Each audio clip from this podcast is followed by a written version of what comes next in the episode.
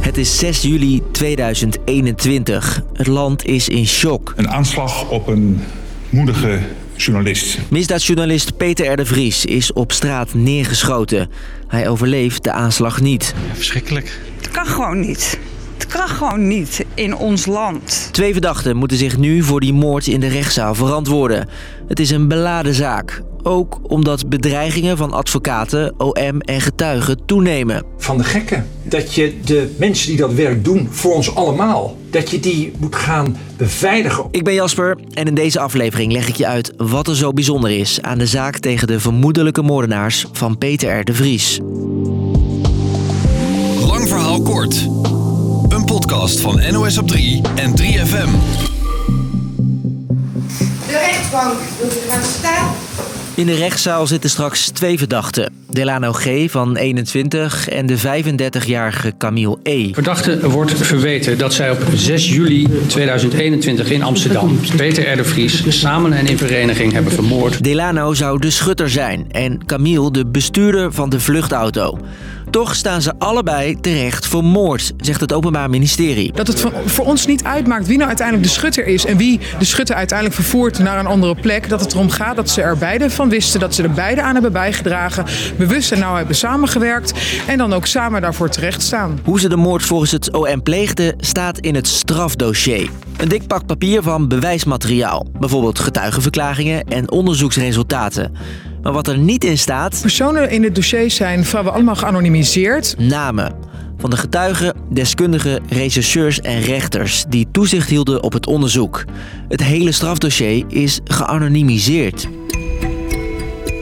De grootste reden? Veiligheid. Van de ooggetuigen bijvoorbeeld. Willen wij voorkomen dat een eh, toevallige omstander niet meer bereid is te verklaren als hij een moord of een liquidatie ziet, omdat hij ja, vreest voor zijn eigen leven. De moord op advocaat Dirk Wiersum in 2019 speelt ook een grote rol. Allemaal reacties van afschuw en ongeloof naar de moord op de advocaat van een kroongetuige. Hij stond de belangrijkste getuige bij in het Marengo-proces, Nabil B. Als je meer wil weten over die zaak, luister dan vooral even aflevering 16 terug van de podcast. Na de moord op Dirk Wiersum werd Peter R. de Vries een vertrouwenspersoon van Nabil. En het OM sluit niet uit dat Peter R. daarom is vermoord. Of dat het zijn rol als vertrouwenspersoon is van Nabil B. Of dat zijn eh, rol is als journalist, dat zal moeten blijken. Maar wij denken natuurlijk wel dat het te maken heeft met zijn werk. Voor de veiligheid van advocaten, deskundigen en rechercheurs is het dus beter als hun naam niet in het strafdossier staat, zegt het OM. Wij menen dat eigenlijk alleen maar op deze manier te kunnen doen. Maar op die anonimiteit is ook veel kritiek. Er zit in dit hele dossier niet één verklaring van een persoon die op naam verantwoordelijkheid neemt voor wat er in deze zaak allemaal is opgeschreven. Dat zegt de advocaat van een van de verdachten. Hij wil kunnen controleren hoe betrouwbaar deskundigen of ooggetuigen zijn. En dat is niet mogelijk als alle betrokkenen zich achter anonimiteit verschuilen. Ook advocaat Peter Schouten, een vriend van Peter R. de Vries, ziet het liever anders. Ik vind het een slechte ontwikkeling. En als eh, Peter R. de Vries dit zelf zou hebben gezien, zou hij dat ook vinden. Want, zegt hij, door iedereen anoniem te maken lijken de verdachten van tevoren al schuldig. Terwijl het natuurlijk juist de bedoeling is dat wij ervan uitgaan dat een verdachte onschuldig is tot hij door een rechtbank is veroordeeld. Er is dus toch een bepaalde vorm van beïnvloeding. Ik zei het net al, een heel strafdossier zonder namen is uniek. Maar dat sommige personen anoniem zijn, Dat is een aantal zaken al eh, eerder eh, voorgekomen. En dat zal in de toekomst denk ik alleen nog maar meer worden. bedreigingen naar het OM, advocaten of rechters nemen namelijk toe, zegt de hoofdofficier van Justitie. Als je echt heel lang teruggaat, dat niemand zich, kon niemand zich voorstellen dat advocaten, eh, generaal of officieren echt concreet bedreigd zouden worden. De afgelopen twee jaar is in 39 strafzaken de officier van justitie geanonimiseerd.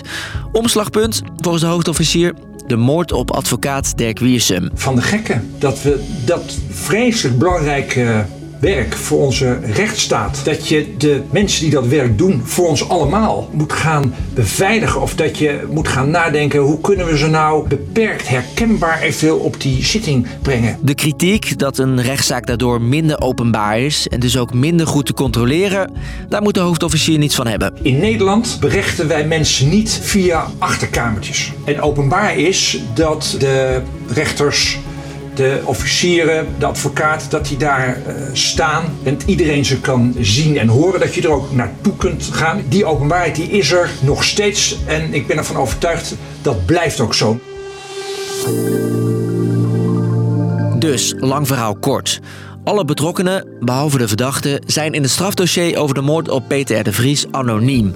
Om hun eigen veiligheid, zegt het OM. Het anonimiseren in zaken gebeurt de laatste jaren steeds vaker, omdat de dreiging toeneemt. Tegelijkertijd is er ook kritiek op. Rechtszaken zouden minder goed te controleren zijn en verdachten lijken sneller schuldig. Was er voor vandaag. We houden deze rechtszaken over de moord op Peter R. voor je in de gaten. En mocht het nodig zijn, vind je nieuwe afleveringen daarover uiteraard in je podcast-app. Bedankt voor het luisteren. Doei!